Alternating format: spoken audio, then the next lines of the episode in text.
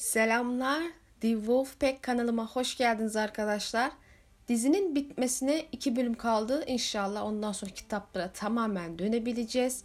Doğrudan giriş yapmadan evvel olur da aranızda duymayan, gözünden kaçan varsa diye bir duyuru yapmak istiyorum. Birazcık geç oldu bence ama Dijitürk sonunda dizinin yayın haklarını satın aldı. Ve Cuma'dan itibaren tüm bölümleri yayımladı.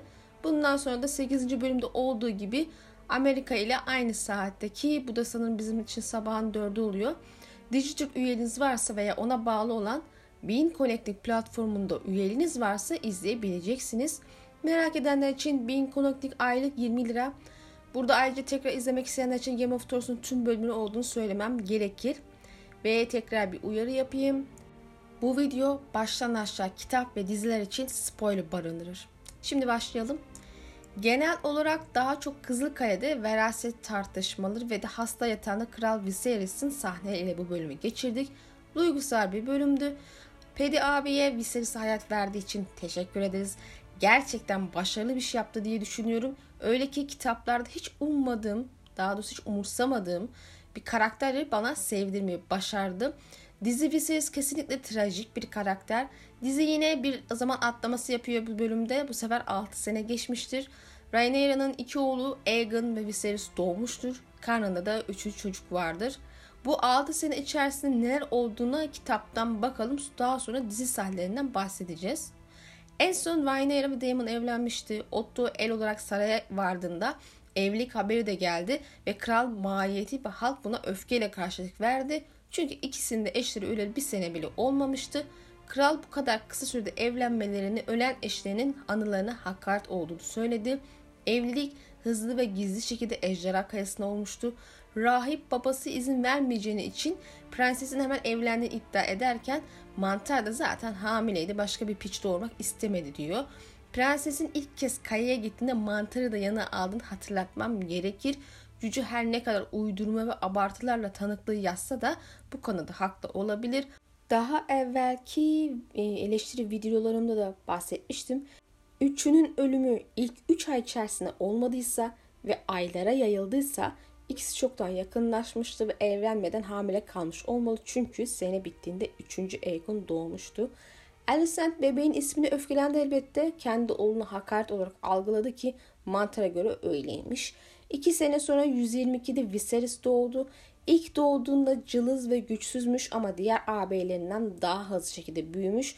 Beşiğine bırakılan ejderha hiç çatlamadı yumurtası ve yeşiller de bunu siyahlar için uğursuzluk kabul edip bunu dillendirdi. Aynı yılda Aegon ve Helena evlendirildi ki senesi dolmadan Jaehaerys ve e, Jaehaerys isminde iki kız iki e, ikiz doğurdu. Bir kız bir erkek. Yumurtaları kısa sürede çatladı. İkizlerin durumu gene de çok iyi değildi. Kız olan ağlamıyor, gülmüyor. Bir bebekten beklenen hiçbir şey yapmıyordu. Daha büyükçe ve sağlıklı olan erkek ise bir prens için fazla kusurluydu. Hem sol elinde hem iki ayağında altı parmak vardı.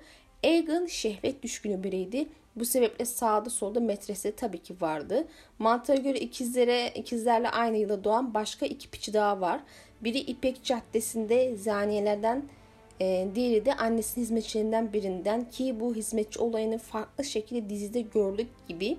Fragmana bakacak ola, bakacak olursak zaten Laris bir piç tespit etmiş gözüküyor onu gördük.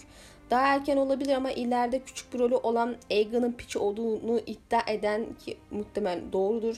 Aegon mı diye merak ettim bu kişi.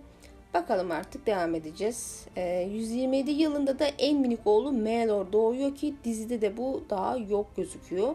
Belki vardır yani isminden bahsedilmedi, soy ağacı yayınlandı, orada da bahsedilmedi bilmiyoruz. Görene kadar kesin bir şey söyleyemeyiz. Alicent'in diğer oğulları da büyürken Corlys'in hastalanma vakası gerçekleşiyor ki dizi kısmına geçme vakti geldi. 8. bölüm birkaç bölümdür bahsettiğim Corlys ve Vaemond meselesiyle açılıyor. Kitaplarda Corlys hastalanıyor ve Driftmark'ın merasit konusu tartışmaya açılıyor. Dizide Corlys 6 sene boyunca basamak taşıda savaşmış. Herhalde iki çocuğun ölümü üstüne acısından kurtulmak için savaşa gittiğini farz edebilirim. Savaş sırasında da ağır yaralanmış haberi geliyor. Ve Emmett hemen ya ölürse ailemizin başına kim geçecek diye sorgulamaya başlıyor. Biliyorsunuz ki bir önceki bölümde açıkça Lucerys'in geçmesini istediğini söylemişti. Nedense bunu resmi olarak hiç duyurmamış. Sanırım kriz tırmansın diye yaptığı senaristler bunu. Kitaplarda bu konuda herhangi bir mesele geçmez. Jace'in doğrudan varis olduğu ama annesinden sonra kral olacağı için küçük kardeş, kardeşi Lucerys'in sadece e, onun sözde babasından gelen doğal bir hak olarak hane başına geçmesi talep edilir. E kitaplarda bu meselenin nasıl ilerlediğine değineceğiz ama biz dizide sırayla ne olduğuna dönelim. Raymond Rhaenys'ten destek ister ve çocukların piç olduğunu vurgular. Hakkını talep etmek için kral topraklarına gitmek için yola çıkar. İstediğini alacağına inanır çünkü kral hasta yatıyordur ve yeşiller onun yerine hükmediyordur. Elbette bunların haberi ejderha kayısına Daemon ve Rhaenyra'ya gider. Onlar da başkente gitme kararı alır. Bu arada öğreniyoruz ki Rhaenys Beala'ya evlat edinmiş, himayesine almış, onun yanında büyütmüştür. Muhtemelen hanenin başına onun geçmesini istediği için kendi hesabından onu yetiştirmiştir ve oğlun ölümünden Rhaenyra ve Daemon'ı şüpheli görür, onların öldürdüğüne inanırmış. E, kitaplarda tabii böyle bir şey yok. Corlys'in yerine kimin geçmesi istediği ile ilgili bilgi olmadığı gibi Viserys'in hastalığı onun tahtta oturması engel olacak noktada olsa da e, yönetimden tamamen el ayak çektirecek seviyede değildir ki e, bu V-mod meselesinde zaten daha bir problemi de tam olarak yoktur. Sadece ondan sonra genelde yatak odasına hükmetmeye başlıyor. Daha evvel söylemiştim kitaplarda kral cüzdan falan değil gut hastalığı ve nefes alma sorunu var sadece. E, dizide hala hastalığına bir isim koymadılar gitti. Öyle de öldürdüler adamı. Nedenini pek anlamış değilim. Belki cüzzam diye bir hastalık yoktur. E, o yüzden tespit edememiştir şeklinde bir mantık gütmüş olabilirler. Adam resmen yabancıya dönüşmüş ya. Gözü falan gitmiş böyle kuru kafa tafsı gibi bir şey olmuş böyle. Değişik bir şey olmuş. Ayrıca Cyrex bir kere daha yumurta bırakmıştır. Bu sefer 3 tane.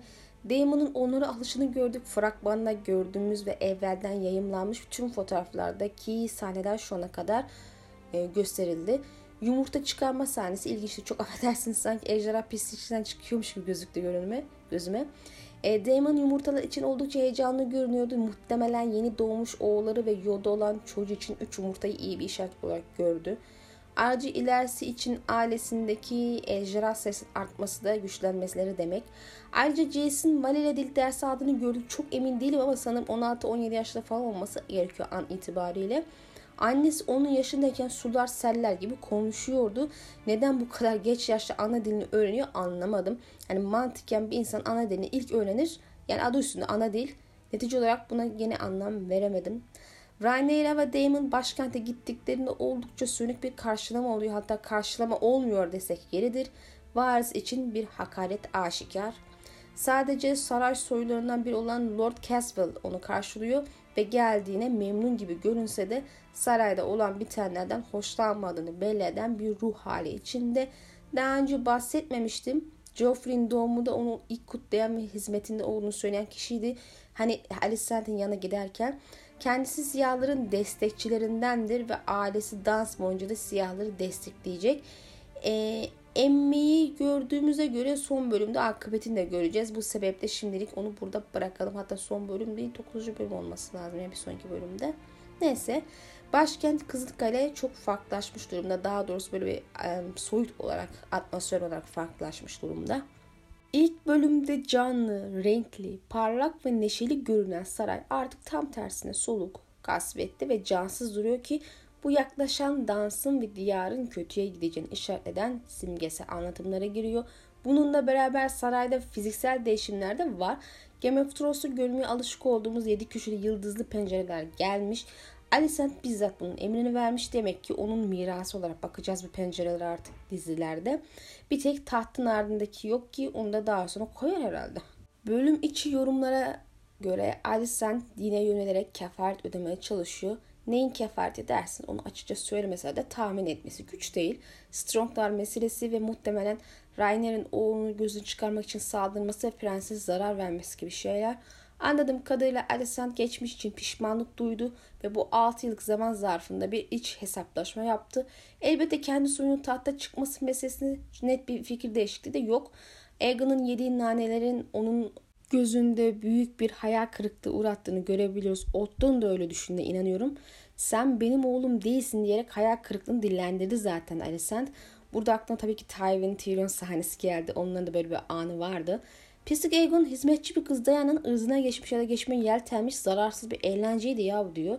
Nasıl bir asalak pislik oğlu çıktıysa Otto'nun yerinde olsam pencere macerası sırasında tekmeyi çakarım arkadan. Yerine Aemon'da ya da Darren'ı kral yapmaya çalışırım. Bu olanı öne sürselerdi tarafsızlığımı bırakıp Yeşilleri desteklemeye ciddi ciddi düşünürdüm. E, zaten Yeşilleri destekleyenler, destekleyenler de ya Aemon ya da Otto ya da işte e, Darren için falan destekliyor galiba. E, bu mal için kim desteklerken var mı cidden aranızda Aegon kral, kral olur o sebeple destekliyorum diyen. Aegon'un küçük bir serzenişini de gördük. Annesi ve babası onun adam olmasını çok zorluyormuş ama o ne kadar çabalarsa çabası onlara yeterli gelmiş. Ne yapıyordu yeterli gelmiyor bilmem. Ee, yani kadınlara sarkmasa, tecavüz etmeye falan kalkmasa yeterli olur bence ama işte geri zekalı. Yani tabii bir yerde haklı olduğu bir şey de var. Bu oğlanda hiçbir şey için olacak cevher yok. Salın bunu çaya kendi haline yaşasın. Zayıf bir kişiliği var.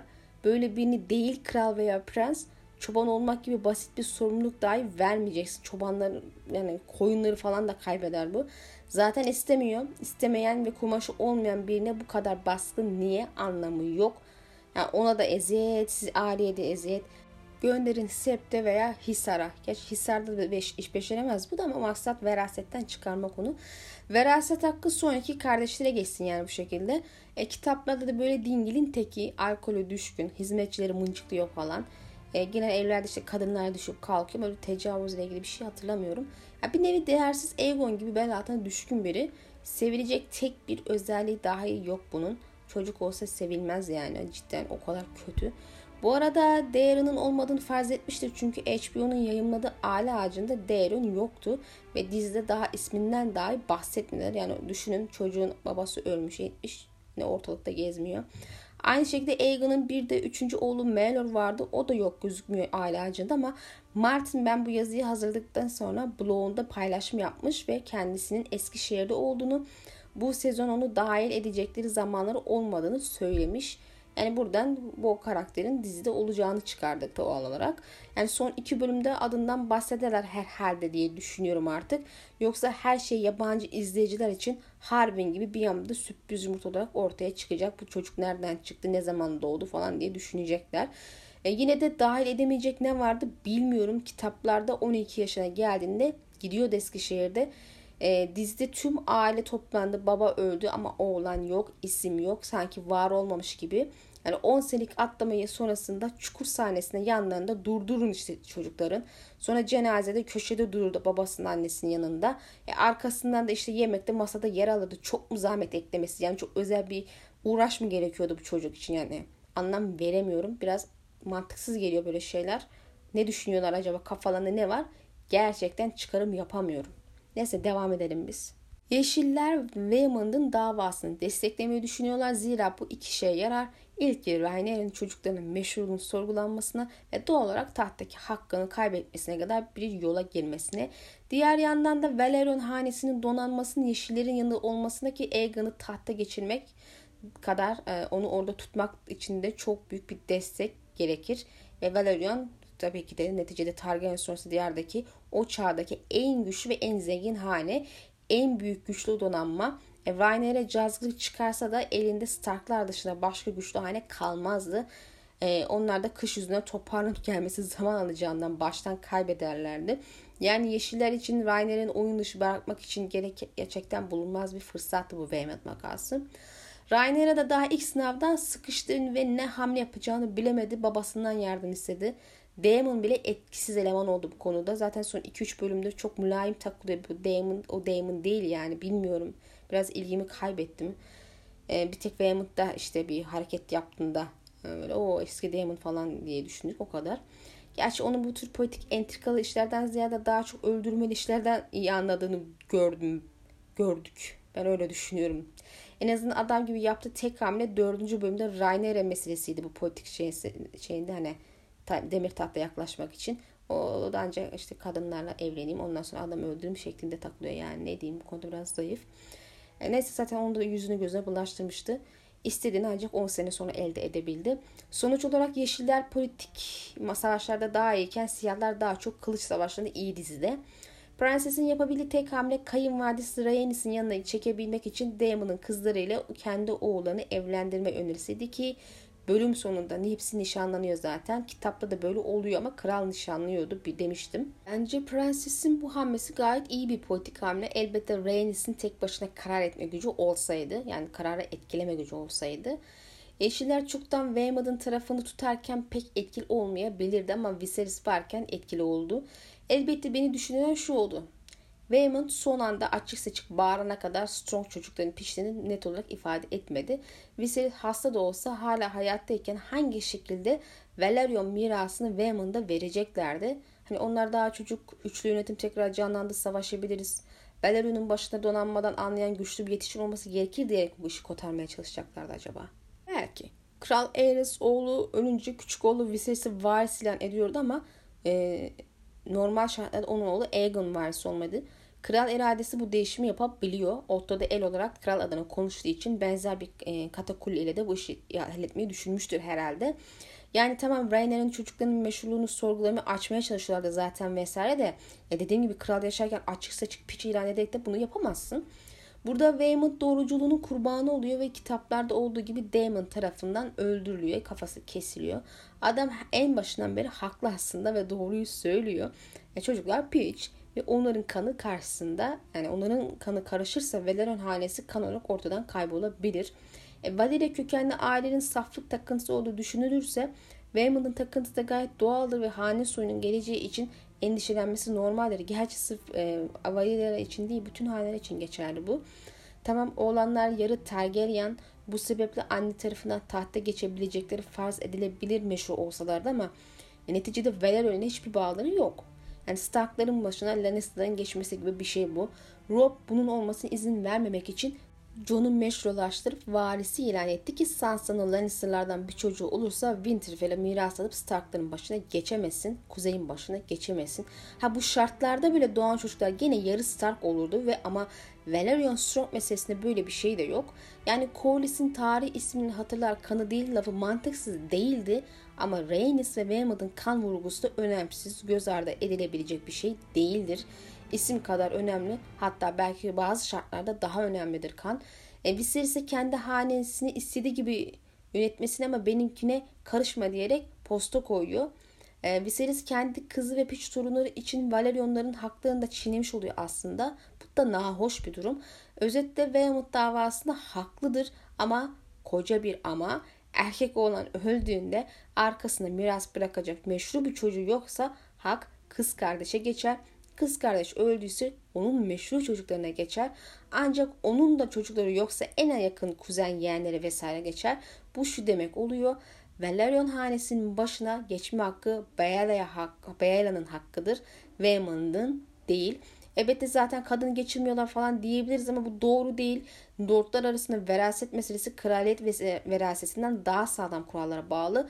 Daha bir gelenekçi, şüpheye götürmeyen daha sağlam bir zemini kurulmuştur kadın miras alabilir. Kimse konsey falan toplamak zorunda değil veya krala gitmek zorunda değil kimin aile başına geçtiğini bilmesi için. Ha tabii çok istisnai durumlar falan oluyor ama genel anlamda konuşuyorum. Hali hazırda zaten dizide bile Lady Arryn vadinin azam leylisi olarak çocukluğundan beri hüküm sürüyor. Edema'nın ilk karısı Royce hanesinin varisiydi. Kitapta doğrudan lady'siydi. Kitaplarda da bir sürü örnek var. Özetle Waymond'ın dizide de kitapta da hak talep etmesi uygun değildir. Raymond meselesini kitapta yine tekrar böyle hızlıca hatırlayalım. Kitapta gene dediğim gibi Corlys hastalanıyor. Veraset meselesi ortaya çıkıyor. Piç bunlar diyor Raymond ve kendini istiyor. Dediğim gibi büyük yeğen bu kardeş değil. Rhaenys kızıp Daemon'u gönderip kafasını aldırıyor ve ecrasını cesedini yediriyor. Kaleye gelen ise bunun çoluk çocuğu falan filan küçük kuzenler topluca kral huzuruna çıkıp olayı anlatıp şikayet ediyor. Kral da ben size demedim mi diyerek dillerini kestiriyor. E, kralın tahttan inerken düşüp elini kesip e, ileride iki parmağını kaybetmesi meselesi bu olayın ardına oluyordu. İşte hani daha önceki videoda anlatmıştım bu hastalanma meselesini. Dizide baba kızın 6 sene boyunca e, görüşmediğini gördük. Aslında kitaplarda böyle fi tarihinde görüştü falan tarzı bir şey yok. Aksine sık sık ejderha kayısından Kızılkale'ye gel gitler yapıyorlar. Yeğenler amcalarla eğitim falan alıyor. Balolar ve özel günlerde bir araya geliyorlar. Bu küsmüş gibi gidip gelmemeye anlam veremiyorum dizide. Kitapta birbirine kin duymalarına rağmen başkente sık sık bir araya gelme e, geliyorken taraflar dizide bir araya gelmemesi bana anlamsız geldi. Her şeyden evvel Viserys tarafından da oldukça yanlış bir hamle.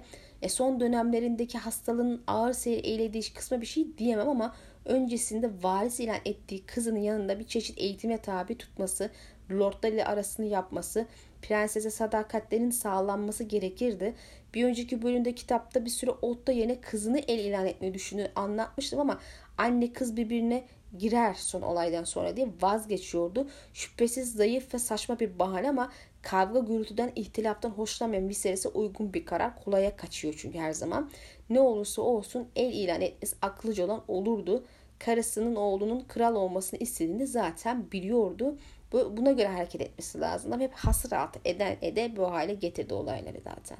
Dizide böyle bir düşünce olduysa bile gösterilmedi veya neden Rhaenyra babasının yanından uzak kaldı onu da bilemiyoruz. Özellikle de yönetmek, kraliçe olmak isteyen birini Kızıl Kale'den uzak durarak yeşillerin at koşturmasına izin vermesi en basit tabirle yani kifayetsizliktir, basiretsizliktir, hazıra konmaktır. Yani Alicent 16 sene boyunca hem Viserys'in hastalığı ile ilgilendi, hem kocasını mutlu etmeye çalıştı, sadık kaldı. Hem de o hasta olduğunda krallığı idame ettirmekle uğraştı babasıyla. Şu ya da bu sebeple yaptı sonuçta. Kitaptakinde samimiyet yok da dizideki Alicent eylem ve söylemlerinde samimi. Rhaenyra'nın elini taşın altına koymayıp sadece zamana geldiğinde tahta geçip hüküm sürmek istemesi kabul edilebilir gibi gelmiyor bana. Bir de babasının bakımıyla ilgili azarlıyor. Adam ol da gel babanın başında durup iyiliğilen kardeşim. Niye üvey annene kızıyorsun? Kadın doğru söylüyor. Haşhaş sütü içmeci acıdan kıvranıyor adam gördük. Boş boş triplere giriyor. Bu yetmezmiş gibi ve üstüne meşhur çocukları doğana kadar piç olanları millete kakalamaya çalışması da nahoş bir hareket Rainer'in yaptığı. E, genel olarak piçlerin miras hakkı olmalı olmamalı insan yönü falan tartışmıyorum şu an. O başka bir konu. İş, yasa, emsal ve gelenek görünek meselesi. Neticede Rainer'e kral iradesi yasal hak vesaire diyerek tahta hakkını savunuyorsa işine gelmediğinde piç olduğu için onları görmezden de gelemez. Biz de gelemeyiz. Taht yasal olarak Rainer'in hakkıdır. Çünkü kral iradesi öyle buyurmuştur. Lakin Strong çocukların hiçbir yasal hakkı yoktur. Yani Alicent olsam acayip uyuz olurdum Rainera'ya. Kadın tamamen haksız değil demiştim önceki bölümde. Elbette meşhur olanlar doğunca Alicent'in her şekilde çocukları gene tat verasetinde geriye kalıyor. Ancak havaya alır bu konuda hak talebinde bulunamazlar. Sonraki saniye geçmeden evvel karakterlerin bazıları hakkında fikrimi paylaşmak istiyorum müsaadenizle. İkiz Kral muhafızları bu bölümde öne çıktı. Kitapta Harwin gittikten sonra bunlardan biri prensesin korumasına veriliyordu ama dizide böyle bir şey olmadı. Bölüm sonunda kral öldü. Haliyle ikizlerin dövüşü nasıl gerçekleşecek, niye prensesin yanına gidecek edecek bilemedim. Ama fragmanda gördüğüm kadarıyla olay gerçekleşecek. Zaten hani e, Alicent'in ikizleri karıştırma meselesinden orada bir altyapı yaptılar. İkizi varis prensesi onun yanına gitmeliyim diyerek mi çekip gidecek acaba? Yanlış görmediğimse prensesi koruyan kral, kral muhafızları yoktu. Oysa olmasa gerekir. Varis yahu sonuçta o. E neyse çok dikkat etmedim o kısma. Aemond umduğum gibi havalı şekilde canlandırılıyor. Muhtemelen kitaptakinden biraz daha düzgün bir olarak yine de kesin konuşmak için daha çok erken. Daha önce de söylediğim gibi Yeşiller tarafında Damon'ın e, muadili gibi kişiler olarak onu anımsatıyor. İsmiyle benziyor. Hatta oyuncuların çene yapısı da benziyor. Kısaca ikili benziyor arkadaş. Kafa benzer çalışıyor. Damon, e, Damon'ın kellesini alınca attığı bakışın anlarsınız zaten. Oyuncu Yuven'i tebrik ederim. Çok sahnesi yoktu bu bölümde ama iyi iş çıkarmış gibi görünüyor. Millet baktım internetten baya bir hayran kaldı. E, bu tıbın Egan'ın arkası toplamak zorunda kalması çok üzücü. E, kitaplarda da kolun gözetiminde iyi kılıç eğitimi almış. Yetenekli, tehlikeli bir dövüşçü olarak tabir ediliyor. Ama inatçı, çabuk öfkelenen ve kinder dizide de aynen bu şekilde gözüküyor. Dizide şimdilik olmayan ise en nazik ve yakışıklı olan Eddie ayrıca zeki olanlarıydı. Yaşı gelince Lord Hightower'ın yanına sakilik ve yaverlik yapması için gönderiliyor. Yani nereye gelirsek bunların şu ana kadar kötü eğitim aldıklarını, ana dillerini bir yetişkin olduğunda öğrenmeye başladıklarını, dahası muhtemelen dövüş konusunda becerisiz olduklarını düşünüyorum. Yani tam aslında dövüş yeteneğini falan görmedik de ama yani öyle bir hava verdi böyle e, hareketler hareketler falan çocuk gibi. Özetle ikisi de kifayetsiz duruyor. Gerçi çocuk için bir şey diyemem kesin ama ABC'si hala ergen bebe psikolojisinden çıkamamış duruyor. Bırak Eamon'da Egan bile bu ikisini kılıçla yer gibime geliyor. Fazla mı acımasız oldum bilmiyorum. Bana, bana aksi bir hava geçirmediler daha. Gerçi Jace her şekilde Egan'dan daha iyi bir kral olur. Ama genel olarak iyi bir kral olacağını çok düşünmüyorum dizidekinden. Yine de ileride fikrimi değiştirecek eylemleri imza atabilir. Kitaplarda böyle kötü bir izlenim bırakmamıştı bende. Aksine Jace bütün ipleri kolayca eline alıp annesini destekleyen biriydi. Dizide daha olgun ve becerikli görünmelerini beklerdim. Öyle gözükmüyor. Dikkatinizi çektim mi bilmiyorum ama Luke'un gözleri küçükken koyuydu. Büyüdü gözleri rengi açıldı. Çocuğun rengi değişti. E, Rainera'nın babasıyla konuşma sahnesi içtendi. Hüzünlendim bir serisin durumuna. Prenses de varis olmak, mirası devam ettirmek ve diğer şeyleri istediğini sandığını ama şu anki aşamada bu yükü taşımakta zorlandığını, pek istekli olmadığını gördük. Kardeşinden de farklı değil bu açıdan bence ama o da gene Aegon'dan daha iyi hükümdar olur şüphesiz. Herkes Aegon'dan daha iyi olur zaten. Bir sümüklü böcek bile. Rhaenyra'nın Yeşillerin politik e, saldırısında sıkışıp hamle yapamaması, gidip zırıl zırıl ağlaması, ben bu varis için doğru kişi değilim demek de aynı şey. Bence mesele ağlaması değil, insan, insanidir sonuçta e, bu durum. Mesele sıkışıp baba beni ve çocuklarımı savun demek dışında bir şey yapamaması. Viserys'in yarı ölü hali bile onu kurtaracak güce de sahip de bu ablamız kendini ve çocukluğunu kurtaramıyor böyle bir hamleden. Gerçekten Viserys gelmeseydi ne yapacaktı? Muhtemelen hiçbir şey.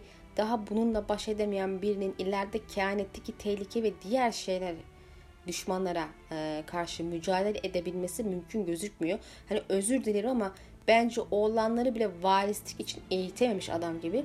Ne yaptınız 16 sene boyunca anlamadım. Hele ki 6 sene boyunca kayadan çıkmadan ne yaptın ey Rhaenyra? Çocuk durup durdu mu sadece? Boş boş yan gelip yatmışlar kelimenin tam anlamıyla. İlk bölümden beri gördüğüm Rainer'e işte bu. Yönetmekle ilgili hiçbir işaret göstermedi bana. Damon da sözüm ona yardım edecekti. O da gitsin yumurta avına çıksın ancak Damon Targaryen yumurta avcısı. Bir yorum gördüm ve sonra baktığımda BuzzFeed sitesinde de paylaşıldığını okudum. Ee, orada yazdığına göre yapamayacağı yumurta toplamanın Damon için bir hobi olduğunu açıklamış ve geleceğine inandığı çatışma için de hazırlık amacı güttüğünü söylemiş. Uymuş yani yumurta avcısı lakabın. Viserys'im acıdan kıvranıyor bu bölümde ve ben bu adama çok üzülüyorum ya. Kitapta umursamıyorum da dediğim gibi dizideki Viserys Pedi, Pedi çok iyi canlandırmış kendisini. Yazar bile kendi Viserys'inden daha iyi olduğunu kabul ederek övüp Emmy kazanması lazım demiş. Bence de. Ben de dizidekini çok seviyorum. Çok iyi biri, çok iyi niyetli biri ama kabul edelim ki yapması gereken hamleleri yapmayıp yapmaması gereken hamleleri yaparak en başta düğmeyi yanlış ilikledi. Hayli arkadan gelen her düğme de yanlış iliklendi. Dansın bir sorumlusu Viserys'in kendi, Viserys'in kendisi hatta payın büyüğünü ona verebiliriz bile. Ya kızını varis ilan etmeyecekti ya da Alicent ile evlenmeyecekti. Hadi evlendin çocuklar doğdu. Rainer'in başına gelecekliğini tahmin etmek zor değildi. Aileler arasındaki çatışmalar da açıktı zaten. Bunlara önlem almalıydı. Sorunları hasar etmek değil, onları çözmek için e, çözmeye yönelik hamleler yapması gerekirdi. Her şey birikti, birikti, birikti. Sonunda patladı maalesef. Yine de Valerion meselesinde tüm gücünü kullanarak kızını korumak için ayaklanıp gelmesi duygusal bir anda kalan son güç kırıntısı ile yürüyüp tahta tırmanması, Damon'ın ağabeyine destek olması hepsi güzel kurgulanmış. Yapımcıların istediği gibi duygusal bir hava oluşturmuş. Damon'ın düşen tacı alıp abisinin kafasına koyması hoş bir an yaratmış. Meğer doğaçlama olmuşu. Kazayla düşmüş taç ve Matt de bozuntuya vermeden devam etmiş. Kral içeri girene kadar her şey Yeşillerin Fars oyununa göre gidiyordu. Otto ve May kralın ayağa kalkıp gelmesini beklemiyordu ama geldi. İşler bir anda Rhaenyra'nın lehine döndü. Sonuç olarak Rhaenys ise belki daha önce kralla konuştu bilmiyoruz. Viserys'in tarafını tutarak Rhaenyra'nın lehine konuşarak konunun tamamen kapanmasını sağlıyor. Elbet Waymond oyuncunun dediğine göre işin sonunu bilerek doğruyu söylemekten geri, geri adım e, atmıyor.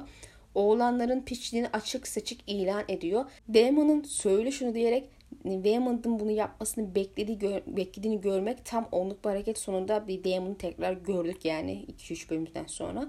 Onu ortadan kaldırıp meşruluk sorgulamasının önü geçmek istiyor ve Waymond bile bile istediğini veriyor ve Dark Sister bir kere daha kınından çıkıp bu sefer Waymond'ın kellesini alıyor. Kitaptaki bir tabii ki bir ejderha yem etme sahnesi yok. Onun yerine sessiz kız kardeşler iş başına görüyoruz. Güzel bir sahneydi. Hoşuma gitti benim. Acaba burada Rhaenys'in ölümüne mi gönderme mi yaptılar? Hani ölümü bakmayın uğursuzluk getirir falan deyip de kadını bakmasam ne yazar, baksam ne yazar her şekilde geliyor diyerek gözünü dikerek izlemesi. Sessiz kız kardeşleri sanırım Ned'in cenazesini ailesine götürürken bir kere görmüştük. Fazla hatırlamıyorum doğrusu diziyi. Bu sebeple daha önce iş üstünde böyle gördük mü yorum yapamayacağım ama bu bölümde izlemek hoşuma gitti. Oldukça gizemli bir tarikat olduğunu söylemek mümkün konuşmama yeminleri yüzünden dillerinin kesildiğine inanılır ama bu doğru değil.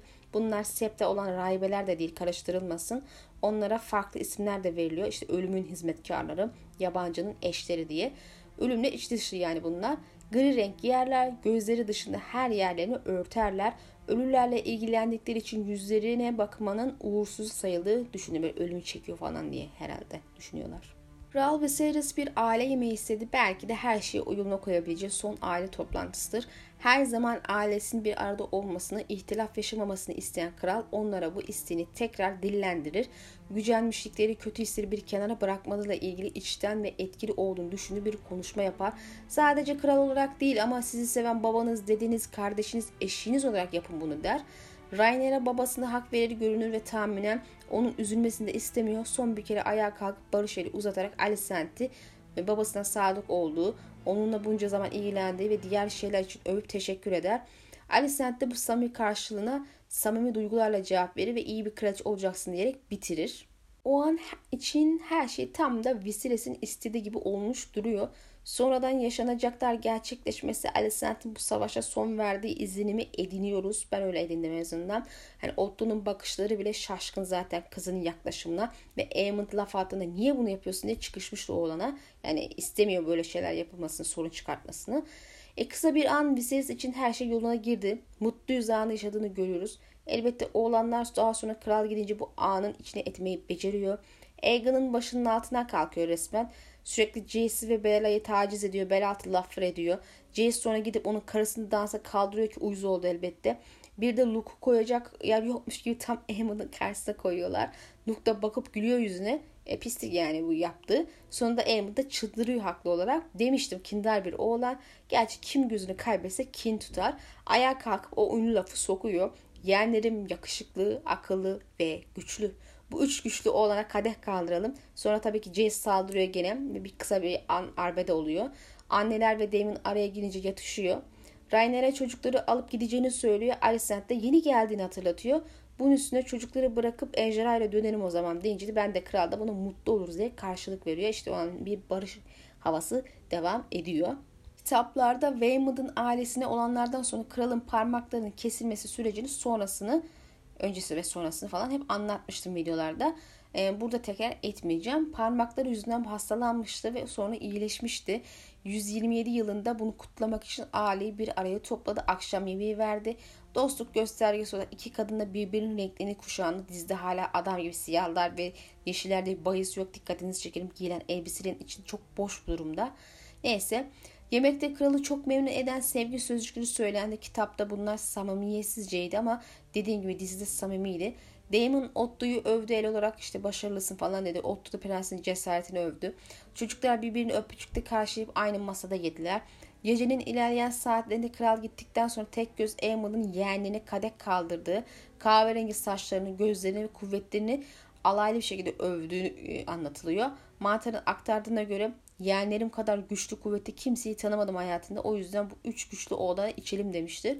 Daha sonra Jess'in Helena'ya dansa kaldırmaya çalıştığını aktarıyor ki Aegon bunu öfkelenmiş. Bunlar onun işte öfkeli laflar edilmiş ve muhafızlar araya girmese iki prens bu dövüş sebeple dövüşe belirmişti. Prenses de sabah çocukları alıp gidiyor. Bundan sonra kral yönetme eşini odasından yapmaya başlıyor. Tahta oturamayacak kadar zayıfmıştır, zayıflamıştır çünkü. Bir süre sonra dizide çoktan nalları diken Üstad Mellos da kavisli merdivenleri çıkarken düşer ve ölür. İki tarafı sakinleştiren, sürtüşmeyi yatıştıran bir ses olarak bilinirmiş. Onun ölümü iki taraf arasında başka bir çatışmaya çıkartır ve ikisi de kendi istediği üstadın büyük üstad olarak atanmasını ister. Bu kısmı da daha evvelki videolarda anlatmıştım. İkisinin de istediği olmayacaktır. Zira büyük üstad ancak hisar atar, aile üstadlar arasından seçilir. Dizide sadece üstad olan yardımcısı bu konuma atanmış duruyor. Herhalde Viserys atadı bilemeyeceğim artık. Saltanatın son yıllarında Viserys sağlığını kaybettikçe yönetim Otto ve Küçük Konseyi bıraktı. E, mevcut konseyde yeni büyük bir yeni büyük üstadın iki tarafı da tutmadığı düşünülüyordu. Cole ve Otto Yeşillerin tarafındayken hazinedar olan Lord Lyman Yeşillerin yanı, yanıydı gene. E, pardon siyahların yanındaydı. Kendisi Jaehaerys döneminden beri bu vazifededir. Konseyin en genci olan ve donanma başı olan Tyrant Lannister ve işkencelerin başı ve fıstığı başı olan Larys ise Yeşillerin tarafındadır. Ayrıca kanun başı Demir Soba lakaplı Jasper Wild da Yeşillerin tarafındadır. Gördüğünüz gibi konseyde bir yeşil ağırlığı var. 129 yılına gelindiğinde Kral Viserys iyice elden ayaktan düşmeye başladı. Kut hastalığı ve göğüs ağrısı şikayetleri artıyordu. Basamak bile tırmanamaz hale gelmişti. Kalede bir sandalye üzerinde taşınmaya başlanmıştı ki dizide gördük bu ayrıntıyı. Bu sırada Rhaenyra tekrar hamileydi ve yatakları düşmüştü. 129'un 3. E, ayının 3. gününde Helena çocukları dedesinin yanına getirdi. O da çocuklara büyük büyük dedelerinin yaban, yabanıl, dev ve vorklardan oluşan büyük bir orduya karşı savaşmak için ejderhalarıyla sürü geçtiği bir hikaye anlattı. Hikaye sonrası çocukları gönderir ve uykuya dalar bir daha da uyanamaz. Öldüğünde 52 yaşındadır ve 26 yıllık bir barış saltanatı olmuştur. Ölümü sonrasında da fırtına tabii ki kopar, barış sona erer ve ejderhalar dans eder. Tekrar diziye dönüp birkaç ayrıntı üzerinde konuşup videoyu bitireceğim. Yemek sırasında Helena da saygı konuşması yapmak için ayağa kalkarken tahtaların altındaki canavara dikkat et dedi. Sanırım senaristler kızı her bölüm işaret vermek için kullanmaya devam edecek. Bunun için aklıma gelen ilk şey kan ve peynir olayı oldu. Başka bir şey var mı diye araştırdım ve işte Mizera, Laris ya da Aemond'un Luka saldırısı gibi öneriler olduğunu gördüm ama tahtaların altındaki canavar kısmı uymuyor bence. Ee, gerçi kan ve peynir de çok uymuyor gibi ama bu sebeple şimdilik kan ve peynir noktasında daha çok sadık kalacağım. Çünkü şu an hepsi arasında en uygunu bu. Tabii başka bir şey de olabilir. Hiç aklımıza gelmeyen. Ne alaka derseniz kan peynir şu. Dizide birkaç bölümdür fareler gösteriliyor. Daha evvel demiştin kan içen bir fare sahnesi kan ve peyniri gönderme olabilir belki diye. Sonra zaten kralın karısını yad ettiği bölümde de fare çıkıyordu bir yerden. Fare, peynir ve kan bağlantısını kurduğunuzu farz ediyorum. Yani bunun altyapısını günler öncesinden, yani bölümler öncesinden veriyor da basit bazı şeylerin altyapısını vermiyor. Ona gıcık oluyorum şimdi. Neyse. Burada spoiler veriyorum. İstemiyorsanız atlayın. Kan ve peynir olayında Helena'nın çocuklarını öldürmek için geliyorlar. Gizli geçit kullanıyorlar. Fare avcısı bir tanesi kalenin. E, dizide belki evvelden gelip yatak altında saklanıp öyle ortaya çıkarlar. Neticede yataklar tahtadan yapılma. Aklıma bir bu geldi. Başka bir şey ise de artık iki bölüm içinde belli olur. Bu arada sonraki sahnede Alicent'in hizmetçisi Talia'nın Misera'ya e, casusluk ettiğini görüyoruz. Muhtemelen bu daha sonra kullanılacak bir şey olabilir. E, belki yine bu kan ve e, peynirle bağlantılı olabilir bilemiyoruz. Gelelim son sahneye. Aegon'lar karıştı arkadaşlar. Hastalığın ve haşhaş sütün etkisiyle Viserys'in kafası gene gel git yaşadı ve bu sefer yanındaki Rhaenyra'yı e, karısını Rhaenyra sandı. Yarım kalan sohbetlerin devamını getirdi. İşte vaat edilmiş prens, diyarı birleştirecek düşmana karşı Aegon, prens vesaire diyerek Ali zaten aa kral buna inanıyor son arzusu bu. O halde ben Aegon'u kral yapayım noktasında harekete geçme kararı aldı. Yemekte bundan vazgeçmiş gibiydi. Özellikle oğlanın e, onun için hayal kırıklığı olduğunu görüp oğlum değilsin sen benim sözlerini düşünürsek işine bile gelmiş olabilir. Ama Viserys'in tek lafıyla iş tersine döndü gene. Sonraki bölümde Yeşil Konseyi toplanacak ve Alicent son arzu diye ilan edecek. Dans ateşlenecek bu şekilde. De insan bir akıl var, mantık var. Madem Aegon'un e, oğlunun e, varisi olmasını istiyordu. O zaman varisi ona verirdi. Sen niye bu kadar basit bir şey düşünemiyorsun? Bu kadar salak mısın sen kızım ya? Allah'ım ya. Ne kadar saçma sapan şekilde olayı bağlamışlar görüyorsunuz. Alicent'in kehaneti bilmediği için kafasının karışmasını ve yanlış anlamasını anlıyoruz elbette. bir de 3. bölümde rüyacılık ve kendi gördüğü rüya hakkında konuştuğu bir sahne vardı Viserys'in. O da aklına gelmiş olabilir ve bağlantıyı bir şekilde kurmuş olabilir. Yine de sonucu çok fazla kolay atladı ama ölüm arzusu da her kültür ve çağda önemli. Bu gene anlaşılabilir belki bir yerde. Yine de dans ateşleyen olaylarda iki kral için eylemleri noktasından ilerlersek zayıf bir kurgu işlemesi var gibi. Daha doğrusu tatmin etmekten uzak. Alicent'i bir melek, bir şeytan, bir melek, bir yanlış anlama kurbanı yapıp sözüm ona izleyici tiksindirmemek için garip hallere sokmuşlar. Ama dikkatinizi çekerim tarafların hizipleşmesine sebep olarak kilit nokta hep Alicent ve onun yanlış anlamaları iletişimsizlikleri kullanıldı. Rainer'e de vay niye böyle oldu şimdi anlamadık biz iyiydik noktasında tavra tavır alan ama her fırsatta barış el uzatan merhametli, iyi niyetli, kendi hayatını istediği gibi yaşamaya çalışan kadın noktasına geldi. Waymond'ı ejderhayı yedirmedi. Ölüm emrini Daemon'a veren kendisiydi kitapta. Ki bu kraliçemiz yani milleti ejderhala yediren biriydi kitaplarda. Bu sadece onu has değil elbette. Bazı Targaryen bunu hep yapıyor. Üvey annesiyle arasında muazzam büyük bir kin ve nefret var. Aynı odada bile durmaya katlanamıyorlar düşünün. Bu şekilde işlenseydi her şey daha tatmin edici gelirdi ama dediğim gibi iyi dostların düşmana dönüştüğü trajik bir dram amaçladılar ama bana göre beceremediler. Saçma sapan yanlış anlamalar, ergen tripliyle dans olmuş noktasında artık bu. Yani oğlanların birbirine olan hoşnutsuz bile daha gerçekçi, daha tatmin ediciydi dizide. Alayı Aemond gibi kin tutacaktı işte birbirine. Şimdi ise seviyoruz ama savaşırız birbirimize gibi duruma dönüştü olay. İki tarafın da kötü yönlerini törpülemeye çalıştılar. Leonor'un hayatını bağışlayan bir Daemon, herkese barış güvercin yollayan Rhaenyra, iyi niyetli Alicent, bir arkadaşım sanırsın tüm kadınlar iyi işin özünü erkekler pislik onlar zorlamışlar kadınları savaşı gibi diye bir eleştiri yaptı. Haksız değil tamamen. Alicent ve Rhaenyra'nın ciddi anlamda falsosunu gören oldu mu? Strong'lar bile Laris'in psikopat zihniyetinin çarpık yorumlamasını sonucuydu. Kadının isteği değil. Rainer'e tavır alması zayıf işlense de güvenim kırıldı. Yalan söyleyen birine dönüştü. Çocuklarımı gerçekten öldürebilir korkusuyleydi. Otto'ya kavat diye sövdük. Demine kadın cinayeti noktasına taş fırlattık. Elbette çok seven tipler onu da yapmadı da neyse demek istediğimi anladınız. Martin'e sorsanız dizide kimse Arya ve John değil. Hepsi kusurlu gri karakterler. Ya tamam Alicent'in sonraki tavırları iticiydi de itici diye bir karakter gri olmaz. Asıl kitaptaki karakterler grinin tüm tonlarına sahip. Dizide ne kadar beyazlaştırabilirsek beyazlaştıralım demişler gibi bir durum ortaya çıkmış gene. Yani sanki böyle bir karar almışlar, böyle düşünmüşler gibi algıladım. Yani Rainera'ya Megur'un memeli hali diye lakap takılıyor sonra. O denli milleti yaka, millet yaka silkiyor kendisine. E bunu yapmayacaklar şimdi. Haksız yere damgalanmış kadın diye mi yutturacaklar acaba? Şaşırmam böyle yaparlarsa. Uzun lafın kısası bu bölümün kendi güzellikleri ve genel olarak dizinin eleştirilmesi gereken bazı noktaları vardı. Kusursuz tabii ki hiçbir şey olmaz şüphesiz ama kusurları düzeltmeye çalışmazsanız onlar birikir ve sonunda artıları geçer.